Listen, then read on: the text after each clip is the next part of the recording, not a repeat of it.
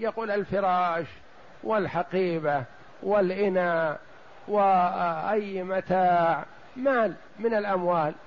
يجوز التقاطه ولا يترك يعني ما يجب لكن إذا التقطه المرء فله الحق في هذا. ويجب تعريفه إذا جاز التقاطه الالتقاط انتبه الفرق بينهما. قال يجوز التقاطه ويجب تعريفه. الالتقاط جائز. إن رأيت أنك تتخلص منه وتنفع صاحبه أو أنك تعرف صاحبه أو أنك تتوقع أنه لا يخرج عن هؤلاء مثلا المجموعة من الناس فتأخذه لتحفظه لصاحبه. هذا حسب النية. إذا نيتك حفظه لصاحبه فأنت مأجور. وإذا نيتك أن تتملك هذا الشيء إذا لم يأتي صاحبه فأجرك تملكك إياه. ولأنه مال يجوز التقاطه. جاز الالتقاط جائز. فإذا جاز التقاطه وجب تعريفه. فرق بين الالتقاط والتعريف. جعل الالتقاط جائز وجعل التعريف واجب لأنه توصله إلى صاحبه. فملك به يعني ما دام أن الإنسان بذل جهدا في تعريفه فهذا سبب من أسباب التملك. ما بذل جهدا في تعريفه ما يتملكه.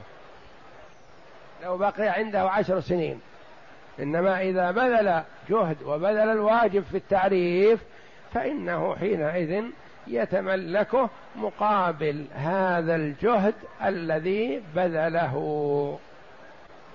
وقد دل الخبر على جواز أخذ الغنم مع تعلق الغرض بعينها فيقاس عليها غيرها.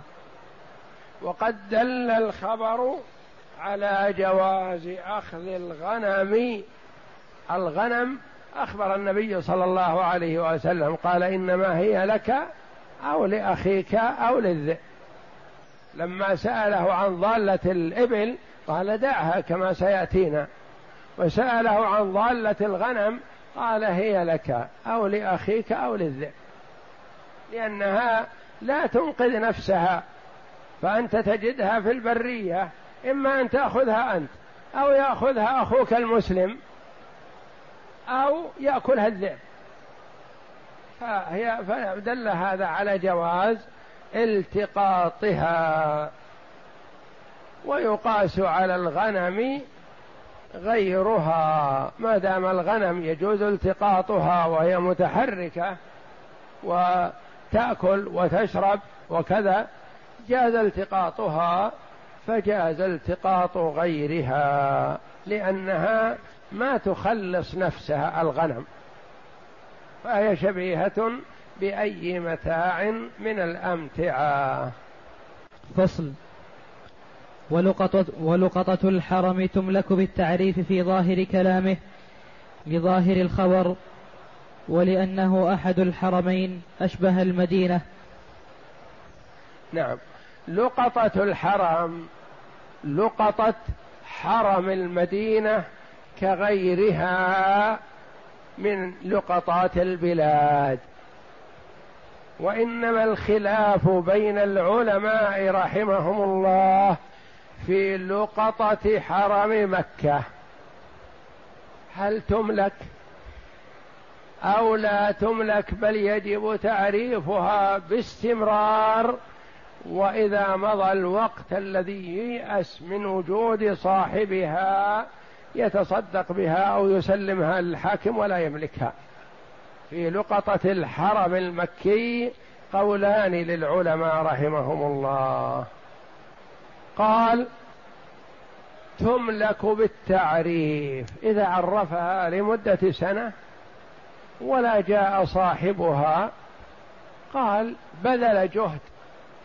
فلا يخيب مقابل هذا الجهد الذي بذله لإيصال هذه اللقطه إلى صاحبها فما وصلت فهو حينئذ هذا الذي بذل جهدا في التعريف يكون أحق من غيره قال تملك.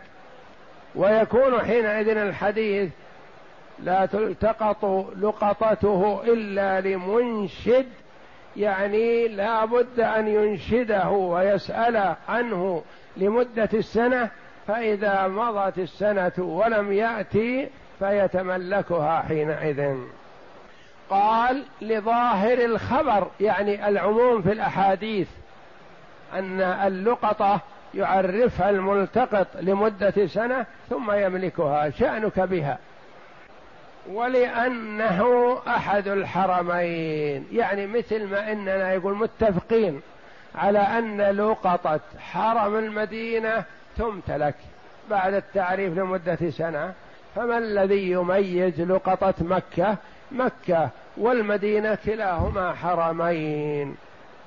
أشبه المدينة يعني لقطة مكة مثل لقطة المدينة وقد اتفقنا على أن لقطة المدينة تحل لملتقطها بعد سنة. وعنه لا تملك بحال ويجب تعريفها أبدا. أو يدفعها إلى الحاكم. وعنه رواية عن الإمام أحمد رحمه الله أن لقطة الحرم المكي لا تملك بحال ما تملك ابدا. يقول لا تحل لملتقطها. طيب ماذا يعمل؟ قال هو بالخيار.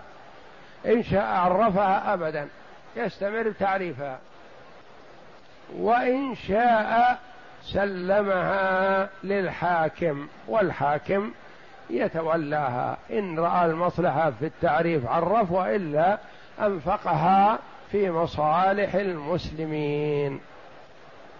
نعم. لقول النبي صلى الله عليه وسلم في مكة لا تحل ساقطتها إلا لمنشد. متفق عليه.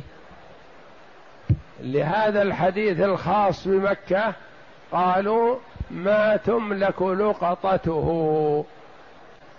ولعل المقصود والله أعلم أن الملتقط يتركها ولا يلتقطها أن من رأى اللقطة يتركها. ولعله والله أعلم أن التعريف في مكة قد لا يفيد لأن مكة شرفها الله مقصودة من سائر بقاع العالم. ليست كأي بلد مثلا مثل أي بلد سكانه اهله والغريب فيه قليل. مكة شرفها الله الغريب فيها أكثر من أهلها كما هو مشاهد معروف. فمثلا سقطت لقطة من شخص جاء من الشام من مصر من باكستان من الهند من كذا من كذا بحث عنها في وقتها ثم سافر إلى بلاده. لو تستمر تعرفها سنين ما جاءك لكن إذا تركتها مكانها يعود لعله ويجدها. لو تواطأ الناس على أن اللقطة تترك أنت رأيت رزمة دراهم ساقطة. كلنا رأيناها تركناها. بعد نص ساعة ساعة ساعتين يعود صاحبها ويجدها في مكانها ويأخذها. ومكة لها حرمة. الشوك فيها لا يعضد الصيد لا ينفر يعني ما يجوز لك إذا جئت إلى عدد من الحمام أو من الطيور واقعة في الحب تقصد تمر بينها تنفرها لا جنب عنها. لكل شيء فيها حرمة وكانوا في الجاهلية يعظمون حرمة الحرم. يلقى الرجل قاتل أبيه وقاتل أخيه فلا يتعرض له في مكة. ينتظره حتى يخرج إذا خرج من الحرم أخذ بالثار. يعظمونها. ومع الأسف الشديد أيها الإخوة كثير من الإخوة المسلمين الذين يشهدون أن لا إله إلا الله وأن محمدا رسول الله ويصلون ويصومون وجاءوا للحج والعمرة يستحلون حرمة هذا البيت. يستحلون حرمة المسلم. تجد المسلم يجمع نفقته منذ بلوغه ليحج بها. فإذا وصل إلى مكة تسلط عليه متسلط فانتزع نفقته من جيبه. يا ويله للمسلم حرمة. تركته يسأل الناس أو يستدين هل يستطيع أن يسدد أو لا يسدد. روعته في ماله أسأت إليه جعلته يدعو عليك ليل نهار. والنبي صلى الله عليه وسلم يقول اتق دعوة المظلوم فإنه ليس بينها وبين الله حجاب. يحذر معاوية رضي الله عنه يقول إذا كانت زكاته مثلا تقدر بمائة ريال لا تأخذ منه مئة وخمسة. لا تأخذ منه إلا الواجب. فإذا أخذت منه أكثر من الواجب بريال أو ريالين دعا عليك. ودعوة المظلوم مستجابة. فما بالك بأخيك المسلم الذي جمع نفقته وأتى بها ليتعفف بها عن السؤال وليقوم بنفسه وليؤدي ما افترض الله عليه من هدي وغيره ونفقة تخصه. ثم يروع باستلابها وأخذها. هذا حرام. وحرمة المسلم في أي مكان عظيمة عند الله جل وعلا. فما بالك إذا كان في حرم الله وفي بيت الله وجاء ضيفا عند ربه جل وعلا يطلب فضله وإحسانه وعفوه وكرمه فتروعه لو أن شخصا جاء ضيفا عند رجل ما يليق بك أن تسيء إلى هذا الضيف من أجل صاحبه المضيف له؟ تقول المضيف عزيز علي ما أروع ضيفه. فلا يليق بالمسلم أن يروع ضيف ربه جل وعلا والقادم من أقاصي الدنيا يطلب فضل الله له حرمة. فما يجوز لك أن تسيء إليه بأي نوع من انواع الإساءة. وانظر إليه أخي إن كان كبيرا بمنزلة أبيك وإن كان صغيرا بمنزلة ابنك وإن كان مساويا بمنزلة أخيك من النسب أخيك في الإسلام. لا تزاحمه ولا تضايقه ولا تشدد عليه ولا تغلبه في سلعة. ولا تخنه ولا تكذب عليه. له حرمة له حرمة عظيمة عند الله جل وعلا. فراعي هذه الحرمة حرمة المسلم عظيمة في كل مكان وخاصة في بيت الله الحرام.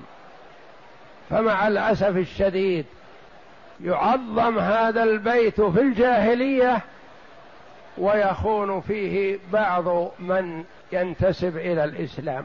هذا خطر عظيم. يدعى عليه فلا يوفق لا في دنياه ولا في اخرته واتق دعوة المظلوم فإنه ليس بينها وبين الله حجاب. فما بالك بهذا المظلوم إذا حكم بحسنات ظالمه يوم القيامة؟ يترك له شيء؟ يحكم في حسناته. فإن لم يكن له حسنات يقول مثل ما يقولون ماذا يجد؟ اللص في بيت المسكين مثلا. هذا ما له حسنات ما يضيع الحق. تؤخذ من حسنات من سيئات المظلوم وتركم على ظهر الظالم. فيجمع إلى سيئاته سيئات غيره. بحكم أحكم الحاكمين جل وعلا. حينما يقتص للشاة الجماء من ذات القر إذا كان القصاص في البهائم غير المكلفة فما بالك بعباد الله الصالحين الذي جاء للحج جاء يطلب فضل الله جل وعلا فيظلم في نفقته أو في لباسه أو في حذائه أو في شيء من ممتلكاته. يجب على المسلم أن يحترم أخاه المسلم في ماله وفي دمه وفي بدنه وفي جميع أحواله ويحافظ عليها كما يحافظ على نفسه.